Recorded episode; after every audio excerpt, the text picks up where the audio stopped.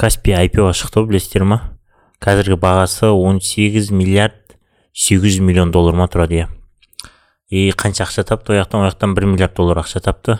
Ол ақшаның бәрін не істейді енді олар? Не істейді не істейді деп ойлайсыздар? Әрине ол ақшаның бәрін кредитке жұмсайды десей. Білмеймін енді басқа елдерге шамыз деп жатыр каспи құдай қаласа. Сол елдерге жұмсайтын шығар мысалы украинаға шам деді украинада соғыс басталып кетті. Өзбекстан тәжікстан тағы да басқа елдерге шығып сол жаққа инвестиция жасайтын шығар енді каспий осы қарқыннан түспесе болар еді. А мне кажется төмен түсіп кететін сияқты енді. Қазір 18-де 8 миллиард па примерно бір 93-95 доллармен сатылып жатыр бір акциясы. Сол қырыққа елуге түсіп кетпесе болды ең бастысы ең главный ше. А то төмен а то андай қалай айтсам болады. Кішкене қоссақ бір 5 миллиард. Орнер бразерсқа жетіп аламыз. И одан кейін тағы бір сегіз миллиардтай ма қосатын болсақ он миллиардтай ма тейк туға жетеміз ал тейк ту дейтін ол гта ны шығаратын компания болып табылады. И гта ны шығаратын компаниядан қымбат болады каспи дейміз каспийді құттықтаймыз. Ыыы бір елу миллиардқа жетсе е вообще күшті көтереді. Негізі сондай сияқты компаниялар каспи сияқты компаниялар ше америкада ше одан қымбат тұрады. Олар одан қымбат тұрады. Мысалы не дейтін еді бір примерно бір екі жүз или үш жүз миллион ба сондай примерно үш жүз миллиард сондай ма тұру керек болып табылады. Не болса енді осы енді бар мен базар дейді ғой. Ну төмен түспесе болды. Көтеріліңдерші. Жаңа тегтуға жетіп алайық құдай қаласа. Құдай қаласа. Тағы қандай жаңалық? Apple vision pro шықты. Мм сатылымда уже сатылым сатылып қойды америкада ғана. И бірінші андай нетін еді ыыы қалай айтсам болады? Бірінші шығарған топ топ па қалай айтады? Атын ұмытып қалдым ма таңертең десе.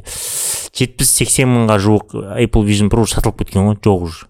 Таппайсыздар. Екінші ә, комплект екінші андай заказ короче майда или июньде шығады иә. Сол кезде ала аласыздар. Енді білмеймін оның нет қалай болатын не болатын. Еще клавиатурасы бар екен оның. Клавиатурасы короче ауада болады. И сен ауада короче қолмен теру керексің дейді. И қолыңды көтеріп отыру керексің. Вообще ыңғайсыз бәле көтеретін жақтан вообще. Білмеймін енді құдай қаласа көреміз енді не болса да. Бірақ адамдардың бәрі сатып алыпты. Бірақ ә, netflix андай деп айтты оған приложение жасамаймыз если че сендерге керек болса сафаримен браузермен кіріп ақ көре берсеңдер болады так что қойыңдар деген сияқты әңгіме айтты да. Ә, бізге қашан келетіні белгісіз обычно көктемде или майда келеді деп деген жаңалықтар бар. Ну енді көреміз. Еще тағы OpenAI бар емес па? Сэм альтман атаң келеді генеральный директоры.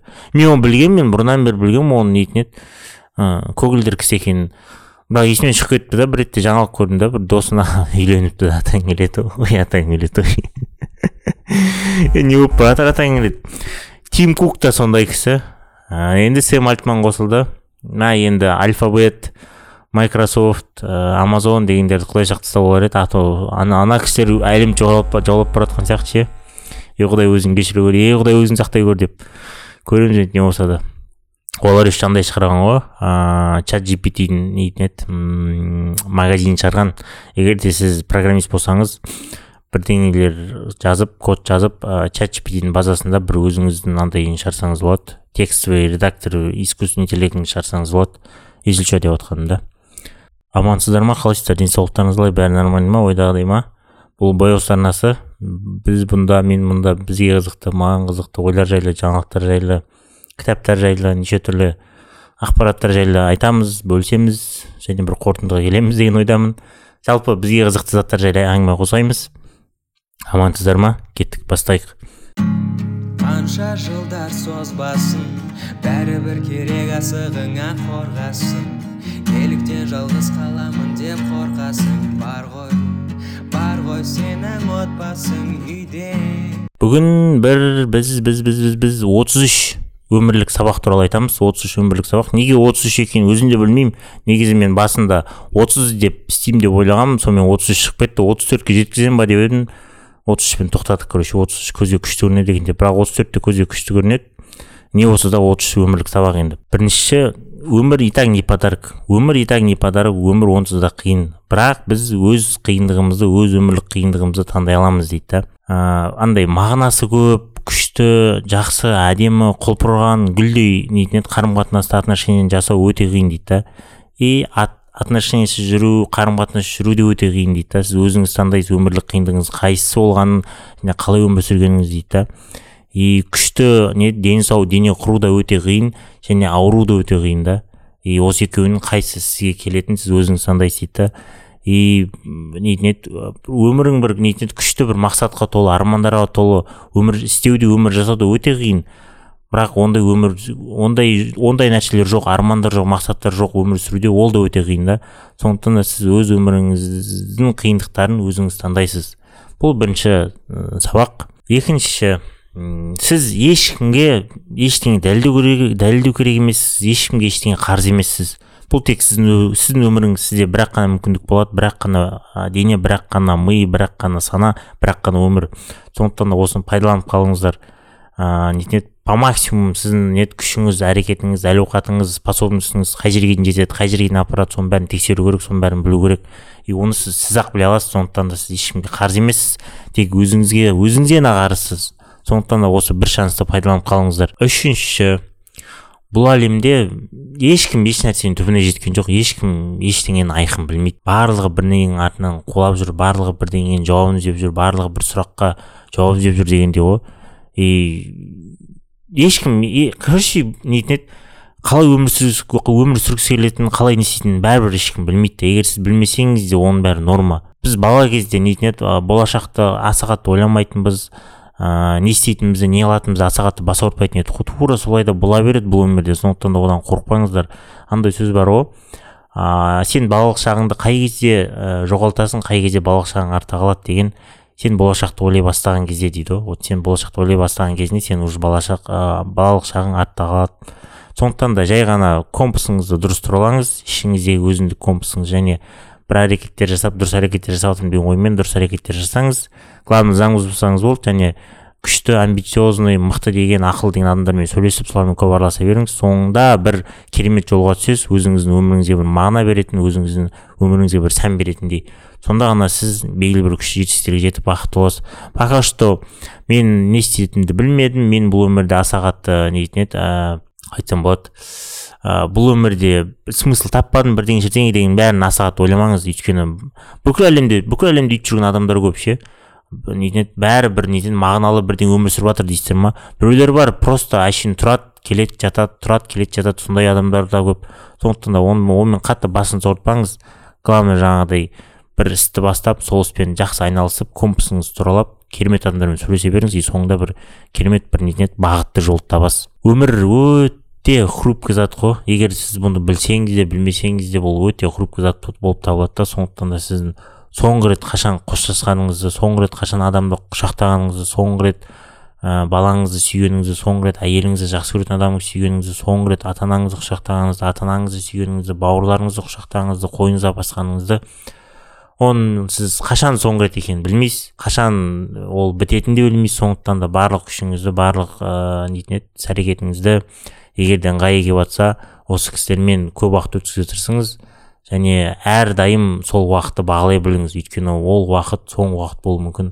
Мен кішкене кезімде ауылда естігемін да бір имам ау деймін бірақ нақтысын білмеймін бір имам бәрімен солай қоштасады да мысалы мешітке барады мешітте бәрімен андай намаз оқиды намаз оқып болғаннан кейін бәрімен ыыы сау болыңдар қош болыңдар дейді да андай ертең бір кездеспейтін дейді солай айтып кетеді де и ол иманның не логикасы мындай екен да қазір мен жолда кетіп бара жатырмын маған бірдеңе болып қалуы мүмкін или осындай болып қалуы мүмкін дегендей да сондықтан да мен сіздермен қоштасып жатырмын ертесіне көріспеуіміз мүмкін деген сияқты да.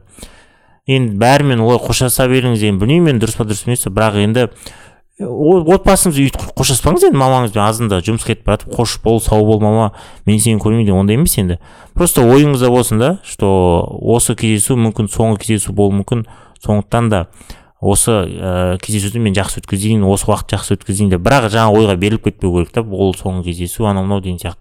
Сол моментте болу керек и сол адамдарды сол уақытты сыйлай білу керек. Бесінші өмірлік заң дейді. Сізді біреу ұстап тұрады болмаса сізді біреу алға алға тербелейді алға жылжытады. Бұның екі ортасында ондай адамдар болмайды. Былай айтқанда не сізді якорь сияқты төмен тартады болмаса сізді ракета сияқты жоғары қарай ұшырады деген сияқты. Екі адамдар болады сіздің окружениеңіз сізге өте өте көп әсер етеді. Өткен жақты ойлай беретін өйсту керек еді бүйту керек еді өткенде осылай еді дейтін адамдармен көп араласпаңыз оларды ортаңызға араңызға көп қоспаңыз дейді да тек қана ыыы болашақты ойлайтын амбициялы болашақ ә, керемет ойлар армандар құратын мақсаттар құратын және сіздің де ойларыңызды пландарыңызды ыыы нетін еді ы, қолдайтын ә, сізге не етеді мотивация беретін адамдармен өзіңізді ә, қоршауға тырысыңыз. Ал жаңағыдай ә, сізді не төмен тартады болмаса сізді жоғары көтереді. Осы екі ақ қана вариант ортасында ештеңе болмайды. Алтыншы ә, пока дейтін сөз өмірді өзгертеді.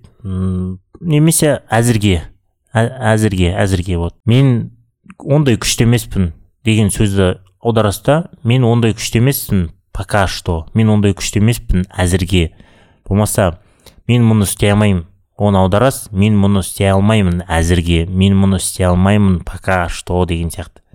Болмаса менің бұған қабілетім жетпейді деген сөз аударасыз. Менің бұған қабілетім жетпейді әзірге. Менің бұған қабілетім жетпейді пока что деген сияқты. Сондықтан да осы пока әзірге дейтін сөзді көп қолданған дұрыс.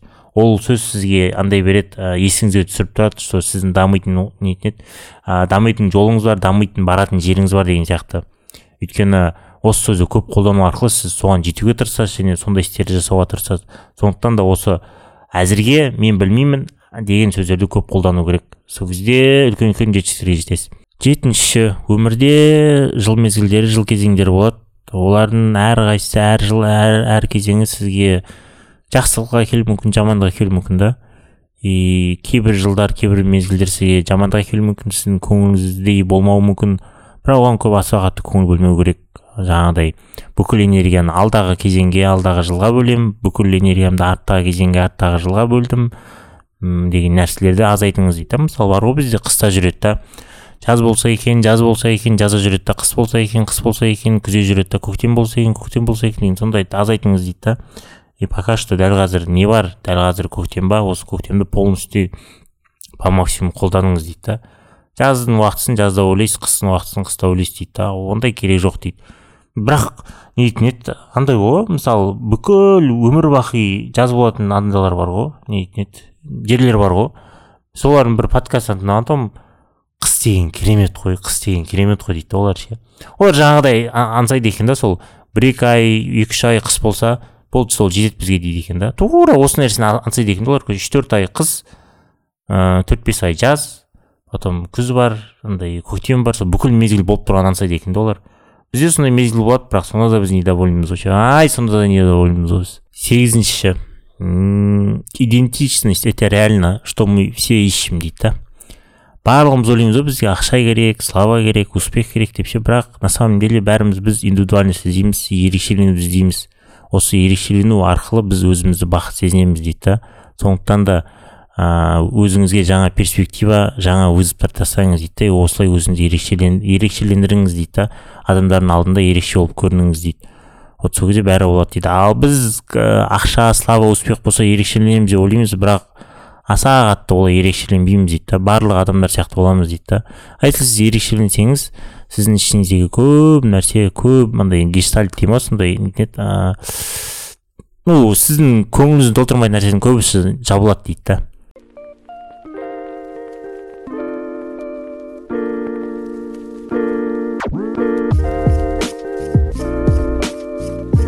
Тоғызыншы ешқандай ешқандай план жоспар жауға келген кезде сіздің ойыңыздағыдай болмайды. Майк тайсон айтқан сөз бар ғой бәрінің планы бар бәрінің жоспары бар.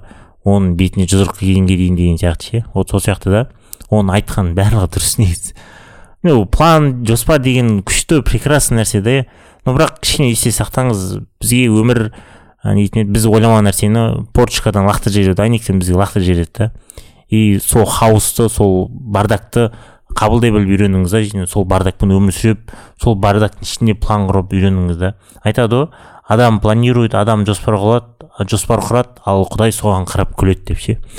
Өйткені все біз ойлағандай все біз жоспарлағандай бола бермейді да. Оныншы успех всегда следует за интересом дейді. Көптеген адамдар ыыы андай интересный болғысы келеді да интересный болуға тырысады соған көп уақыт жұмсайды дейді да. Бірақ о, о, сіз олай интересный бола алмайсыз дейді да. Интересный болмау керек заинтересованный болу керек дейді егер де бір затта сіз заинтересованный болатын болсаңыз соның арқасында сіз өзіңіз интересный адам боласыз дейді. Өйткені ол жерде бір глубина пайда болады ол жерде бір қызығушылық пайда болады дейді да. И сіз, сіз жасаған затыңыз сіз жасап жатқан ә, не затыңыздан сізден шығатын аура бір ну подделать его невозможно дейді да оны подделка жасап алу қиын дейді да. Сондықтан да сіз адамдарға ерекше бір интересный адам болып көрінесіз дейді да. Сондықтан да интерес ұғаламаңыз заинтересованность алаңыз дейді да. Өзіңізге ұнаған нәрсемен не андай құштарлықпен андай қызығушылықпен айналысыңыз дейді да. Вот сол кезде сіз бүкіл бүкіл әлемге қоршаған адамдарға интересный болып көрінесіз дейді. Неуверенность в себе дейді. Неуверенность в себе естественное состояние человека. Ә, адам жас болған кезде ойлайды ғой. Егер де мен бір жетістікке жететін болсам көп ақша табатын болсам карьерный рост болатын болса өзімді жақсы сезінетін болсам онда менде неуверенность болмайды өзімді күшті сезінемін жақсы сезінемін деп ше. Бірақ оказывается ондай емес екен да. Өйткені адам любой өмірінің этапында любой өмірінің нетін ә, кезеңінде ә, өзін неуверен сезіну мүмкін дейді да. И сондықтан да неуверенность сезіну деген нәрсені дұрыс қабылдай білу керек дейді да. Сол кезде ғана сен онымен жұмыс істей аласың сол кезде ғана сен өзіңе уверенный бола аласың дейді да. И сен қанша жетістікке жетсең де қанша карьерный рост болса да сен бәрібір кейде неуверенный боласың дейді да. Бірақ жаңағыдай әсер етеді дейді сен. Карьерный ростың бар ақшаң бар ә, физический телоң бар привлекательность бар сондай бәрі сен уверенностьң әсер етеді дейді да. Бірақ кейде сен по любому бәрібір де өзіңді неуверенный сезінетін кезеңдер болады дейді да. И сол кезде сен соларды қабылдай білу керексің дейді. Он екінші ты действительно понятия не имеешь на что способен дейді. Сен неге күшің жететінін сен әлі күнге шейін өзің білмейсің дейді да. Оның единственный ең жалғыз нетін способы тексеруі сол рискке бару сол тәуекелге бару сол жұмыс істеу сол ауыршылықты сол қиындықты сезіну сол қиындықтың астында жүру сол қиындықпен өту сол қиын не кезеңдерден кезеңдерде болу кезеңдерден өту дейді да. Вот сол кезде ғана сіз сезінесіз дейді. А иә мүмкін иә екінші жағы бар. Мүмкін сіз ыыы нетін еді ол ауырлықты ұстай алмай сол ауырлықты қиындықта кезеңдерден өте алмай қалуыңыз мүмкін. Иә ондай да болуы мүмкін. А вдруг сіз нетін еді өз күшіңізге өзіңіз таңқаласыз. Вообще сіз ойлағаннан да сіз өзіңіз күшті болып кетесіз және еді ә, сіз ойлаған нәрсеңізден сіз қайда өзіңіз мықты болып мықты болып шығасыз да? И сіз ойлаған нәрседен де үлкен нәрсе жасайтын шығарсыз. Сондықтан да сол рискке бару керек сол тәуекелге бару керек. Сол нетін еді ыыы қиын кезеңдерден өту керек дейді да. Не болса да өзіңіздің способностьіңізді анықтау керексіз дейді. Он үшінші әшейін қарапайым заттарға ғашық болыңыз дейді. Негізі керемет өмір не ә, жақсы өмірдің барлығы сондай майда шүйдеден құралады дейді да. Егер де майда шүйделерде сіз дейтін еді ә, бақытты болатын болсаңыз майда шүйделерге ғашық болатын болсаңыз онда сіздің өміріңіз өте күшті болады дейді. Вообще не только өмір бүкіл нәрсе майда шүйдеден құралады. Мысалы теңге тиыннан құралады теңіз тамшыдан құралады дегендей ше. Вот солай сияқты да. Мысалы адам өзі кішкентай кішкентай кішкентай кішкентай ыыы привычкалардан әдеттерден құралады. Ол сол сияқты сондай майда шүйделерге көп көңіл бөліңіз дейді. Да сонда ғана сіздің өміріңіз мағыналы болады өміріңіз күшті болады дейді. Он төртінші. Бұны өткен подкастта айттық. Көптеген адамдар ыыы нетін еді бір күнде бір жылда не істей алатынын бағаламайды дейді да. Оны олар оның құны көрінбейді оларға дейді да. Олардың бәрі ойлайды оған бес жыл керек он жыл керек дейді да. Жоқ дейді да сіз бір күнде бір жылда сіз бірталай жетістікке жетесіз дейді да. Сондықтан да әр күніңізді әр жылыңызды дұрыс пайдаланып ыыы бекерге құртпаңыз дейді. Бір жылдың ішінде сіз керемет жетістікке жете аласыз дейді. Қиын қиын қателіктерден ыыы не андай қашуға тырысыңыз. Избегайте сложных ошибок дейді да. И сол кезде сіз ыыы жеңіске жетесіз. Сложный ошибки дегеніміз ол мындай ғой. Қиын қателіктер дегеніміз бірінші қателікті бірінші қателік келеді и бірінші қателіктің артынан тағы екінші қателік келеді. Осыны біз сложный ошибка деп атаймыз да.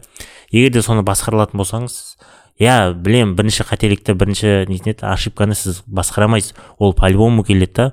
И бірақ содан кейінгі болатын екінші қателік екінші ошибканы сіз сто процент өзіңіз басқара аласыз осы келген қателікке мен қалай қараймын өзіме қалай қабылдаймын деген сияқты да. Егер де соның бәрін сіз дұрыс қабылдай алатын болсаңыз сол қателіктерді дұрыс қабылдап сонымен жұмыс істей алатын болсаңыз онда сізде сложный ошибка болмайды дейді да. Сондықтан сіз жеңіске жетесіз дейді. Бірінші қателік иә всегда всегда он сіз қанша тырыссаңыз да бірінші қателік по любому болады. Ол бірінші қателіктен кейінгі басталатын екінші қателік оны сіз оны сіз өзіңіз қадағалай, қадағалай аласыз оны сіз жеңе аласыз. Он алтыншы свобода это свобода вот истинная цель дейді. Еркіндік нағыз мақсат осы еркіндік дейді. Сен қалаған нәрсеңді қалаған кезде қалаған уақытта қалаған адаммен қалаған жерде істегің келетін вот. Осының барлығы бағалайды дейді да. Осы вот бірінші орында тұрады дейді. И көп адамдар ақша мен еркіндікті араластырып жібереді және ол қате дейді да. Ақша ол инструмент свободаға жету керек инструмент болып табылады. Сен ақша арқылы свободаға жетесің и свободаға жету жеткен кезде сіз өзіңіз қалаған тірліктеріңізді жасайсыз дейді да. Менде негізі былай ә, мен мысалы айтып отыр жаңағы сен ақша табасың ақшаны инструмент қылып саудаға жетесің дейді да. А менің негізі ойымда былай короче ақшаны мен өзім қаламаған өзіме ұнамаған тірлікті істеу үшін тапқым келеді да. Что мен неге бұл маған ұнамайды мен бұны істемеймін деп айту үшін дейді да. Иә бұл бір жағынан сауда сияқты болып көрінеді бірақ кейбір заттарда ол сауда емес кейбір жақтарда андай адамдар болады да мысалы. Көп ақша тауып жатыр бірақ істеп жатқан тірлігі өзіне ұнамайды да. Мен солай ақша тапқым келеді да. Мысалы ақша табам егер де өзіме ұнамайтын болса мен оны істемеймін деп айта алатындай сондай жағдайда болғым келеді да. А вот бір кісілер бар ақша табады бірақ егер де ол тірлік маған ұнамайды істемеймін дейтін болса онда ол ақша тауып жатқан жаңағыдай не дейтін еді источнигін жоғалтып алады да. Вот мен сондай болғым келмейді.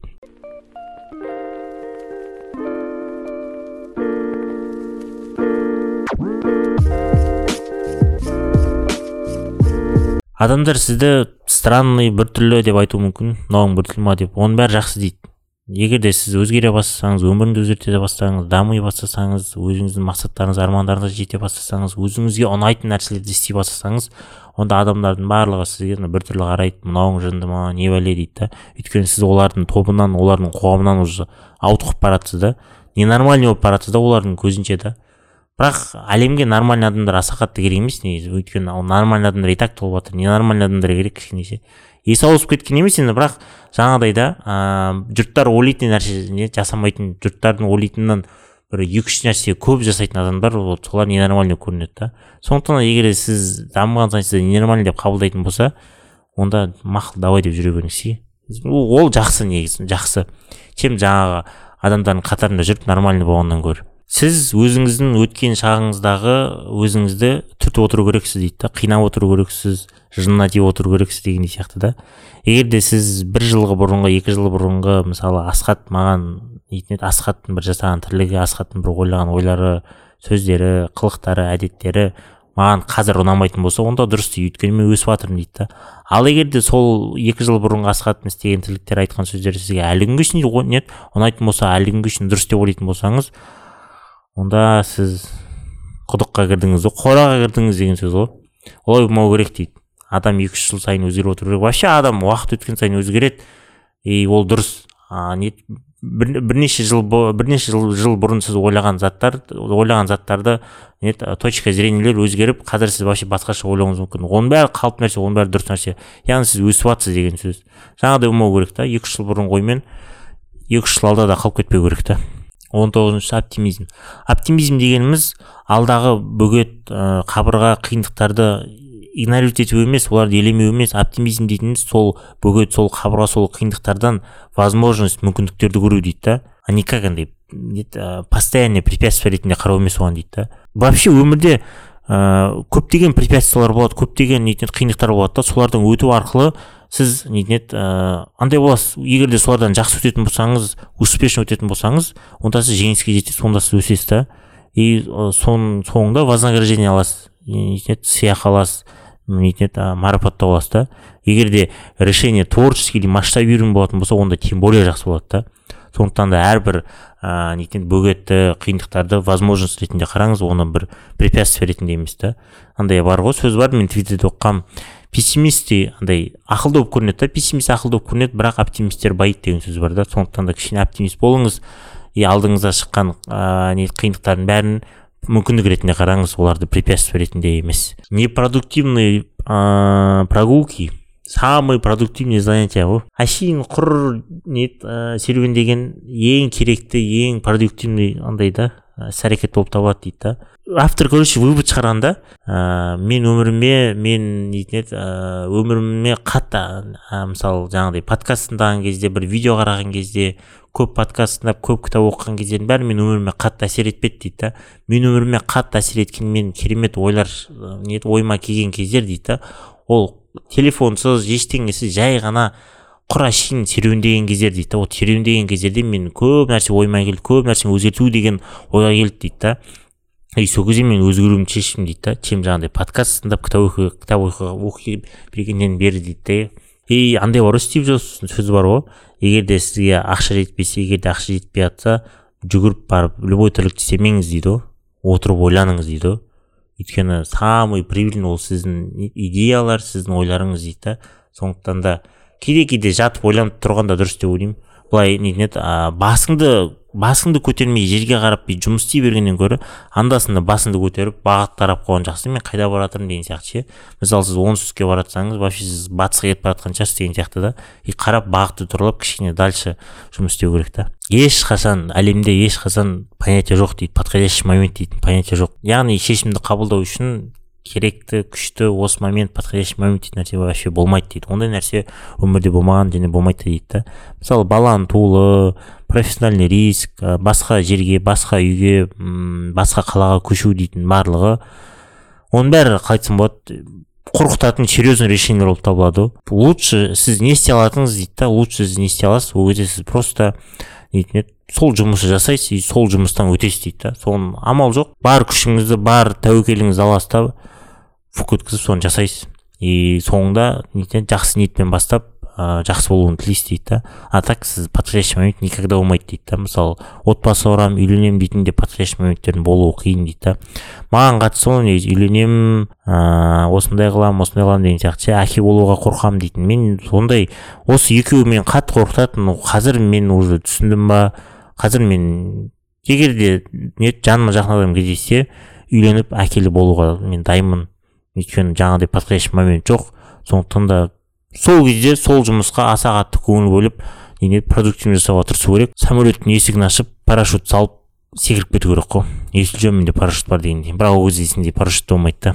Так что подходящий момент жоқ дәл қазір бастаңыздар. Қасыңызда өзіңіздің қасыңызда дым істемей ештеңе қылмай ештеңе бүлдірмей тыныш отқан кезде өзіңізді жайлы сезінетін адам табыңыз дейді да қасыңызға өмір деген ол жаңағыдай гламурный моменттер емес инстаграмдағы фотолар видеолар емес дейді. Өмір ол в основном көп уақыты просто отыру дейді просто уақыт өткізу дейді. Да ештеңе жасамай ештеңе қылмай дейді. Да егер де сіз өзіңіздің қасыңызға бір адам тапсаңыз және ол адаммен сіз жай әшейін құр әшейін сөйлеспей әшейін отырып бақытты болсаңыз онда сіз өз адамыңызды таптыңыз дейді да. Сондықтан да сондай адамды іздеуге тырысыңыз дейді. Дым істемей ештеңе істемей жай әшейін қасында отырып бақыт сезінген адамдарыңызды табыңыздар. Келесісі егер де бірдеңе іске аспай жатса егер де бірдеңе сіздің ойыңыздағыдай болмай жатса бірдеңе қосудың орнына бірдеңе қосамын дейтін ойдан бас тартып сұраңыз дейді да. Не істеуге болады не қылуға болады деп. Всякий раз когда біз не ә, бір қиын жағдайға келген кезде қиын ситуацияға келген кезде біз бірдеңе қосуға системаны өзгертуге системаның үстіне бірдеңе қосуға сондайға құмармыз дейді да. Жаңағыдай новый тренировка қосу керек новая добавка қосу керек новый проект қосу керек новый адам қосу керек дейді да. Ал негізгі жай қарапайым шешім бұл жерде дейді да бір нәрсені алып тастау дейді да. И сол арқылы көп нәрсе шешіледі дейді да. Ол алынатын нәрсе біз ұстап тұрған нәрсе дейді да. Егер сол ұстап тұрған нәрсеңізді алып тастайтын болсаңыз онда сіз ары қарай өсесіз дейді да. А біз болсақ қоса береміз қоса береміз қоса береміз дейді да. Сондықтан да егер де бір қиындыққа келетін болсаңыздар қиындыққа тірелетін болсаңыздар бірдеңе қосуға емес бар күшіңізді жинап сұрауға тырысыңыз. Не істеуге не алуға болады не істеуге болады не істесем болады деген сияқты. Жаңағыдай ғой ақыл сұраңыздар сәй. Бірдеңе қоса бермей қоса бермей білетін адамдардан барып ақыл сұраңыздар. Жиырма төртінші меньше но лучше. Осы мантра өмірдің бүкіл сферасына тиесілі дейді да. Өмір не жұмыстан бастап ыыы денсаулыққа дейін болмаса отношениеге дейін бізге көп нәрсе істеудің қажеті жоқ қажет жоқ. Бізге жай ғана көп нәрсе істемеу керек нам не нужно иметь большего и бізге көп нәрсе істеудің де қажеті жоқ. Бізге ең керегі меньше но лучше ғой апыр топыр қимылдаудың қажеті жоқ. Аздан аздан керекті керектіден пайдалы пайдалыдан жасау керек и все болды қалған бәрі жақсы болады да. Өмірге де жұмысқа да денсаулыққа да отношениеге бұл қатысты дейді да. Меньше но лучше. Аз бірақ күшті. Жиырма бесінші. Өзгергісі келмейтін адамды өзгертуге тырыспаңыз. Ол адамдар өзгермейді. Егер адам өзгергісі келетін болса ол өзгереді. Егер де адам өзгергісі келмейтін болса сіз қанша тырыссаңыз оны өзгерте алмайсыз. Сондықтан да егер бір адам өзгеремін деп бірдеңені қайталай беретін болса қайталай беретін болса қайталай беретін болса жаңағы өзгерту керек нәрсесін онда жай ғана өзіңіздің энергияңызды оған құртпай басқа нәрсеге пайдалы нәрсеге құртыңыз. Ол адам ол өзгермейді. Өзгеретін адам ол өзі шешу керек бірінші. Мен өзгеремін деген сияқты. Сол кезде ол өзгереді да. Ал сіздің айтуыңызбен сіздің нұсқауыңызбен сіздің айқай шуыңызбен ол адам өзгермейді. Біріншіден адам өзі шешу керек өзгеремін деп ол сол кезде ғана өзгереді. Так что энергияңызды басқа жаққа құрта беріңіз.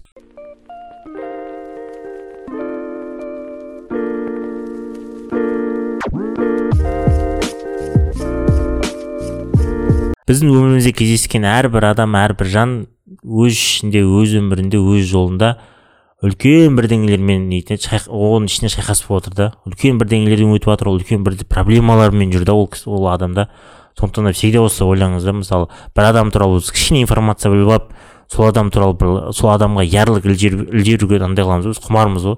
Ондай болмаңыз да өйткені әрбір адам өмірде бір өзінің проблемасы бар өзінің шайқасы бар да ол сол шайқас сол проблемалардан өте алмай жүр байқұс ше. Сондықтан да жаңағыдай кішкене информацияны біліп алып адам туралы бір ой қорытындыламай ақ қояйық та.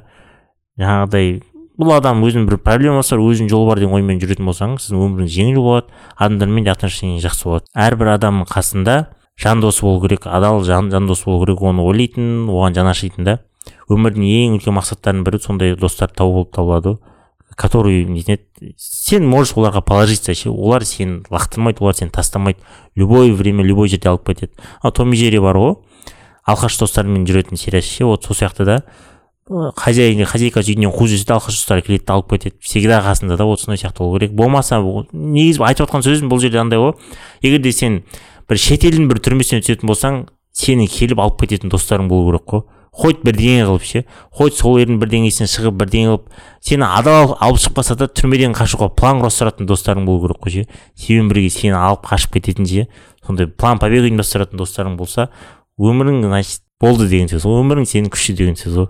жиырма сегіз сізге сенетін адам постоянствоға келуі мүмкін дейді да ол сізге сенеді бәрі ойдағыдай бәрі жақсы болады дегенде ал вот сізге сенбейтін адам сізге қарсы шығатын адам кішкене напряженность тудырады дейді да. И ол бір жағынан жақсы дейді. Өйткені сен ол адамға дәлелдеуге ол адамға көрсету үшін сол жетістіктерге жетесің дейді да сол жетістіктерді бағындырасың дейді да. Ол да бір жағынан өз пайдасын тигізеді дейді да. И сондықтан да осы нетін еді айырмашылықты білу қажет дейді да. Кейде кейде сен напряжение ұстайтын саған қарсы шығатын адамдар болған жақсы дейді да. Ал кейде сен нетін қолдайтын сенің қасыңнан табатын адамдар болған жақсы дейді да. Ол этаптың әрбір өзінің кезеңі бар дейді да. Бір кезеңдерде сізді қолдайтын адам болу керек бір кезде сізге кішкене қарсы болатын сені напряжение ұстайтын адам болу керек дейді да. жиырма сегізінші бұл. Қалай айтсам болады бұны? Подлинность всегда выделяется дейді. Подлинность нетін еді сапалы ма сапасы ма подлинность? Өзгерді қалай қазақша қалай переводталатын короче подлинность всегда выделяется. Егер де біреу аутичный болатын болса ол адамға барлығы баруға тырысады ол адамды бәрі көруге ол адаммен бәрі жолығуға сөйлесуге тырысады дейді да.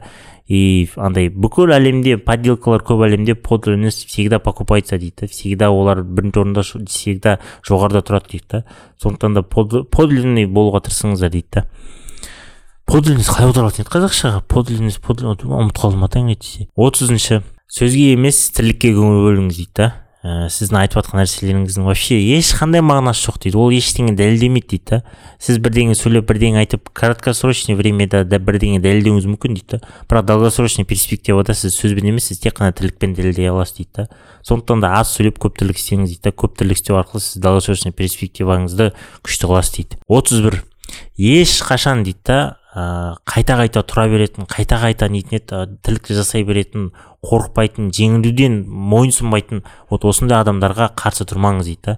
Өйткені әлемде ондай адамдар ондай адамдарға қарсы тұру дейтін өте өте қиын нәрсе өте ауыр нәрсе дейді да. Ол адамдар вообще андай дейді да.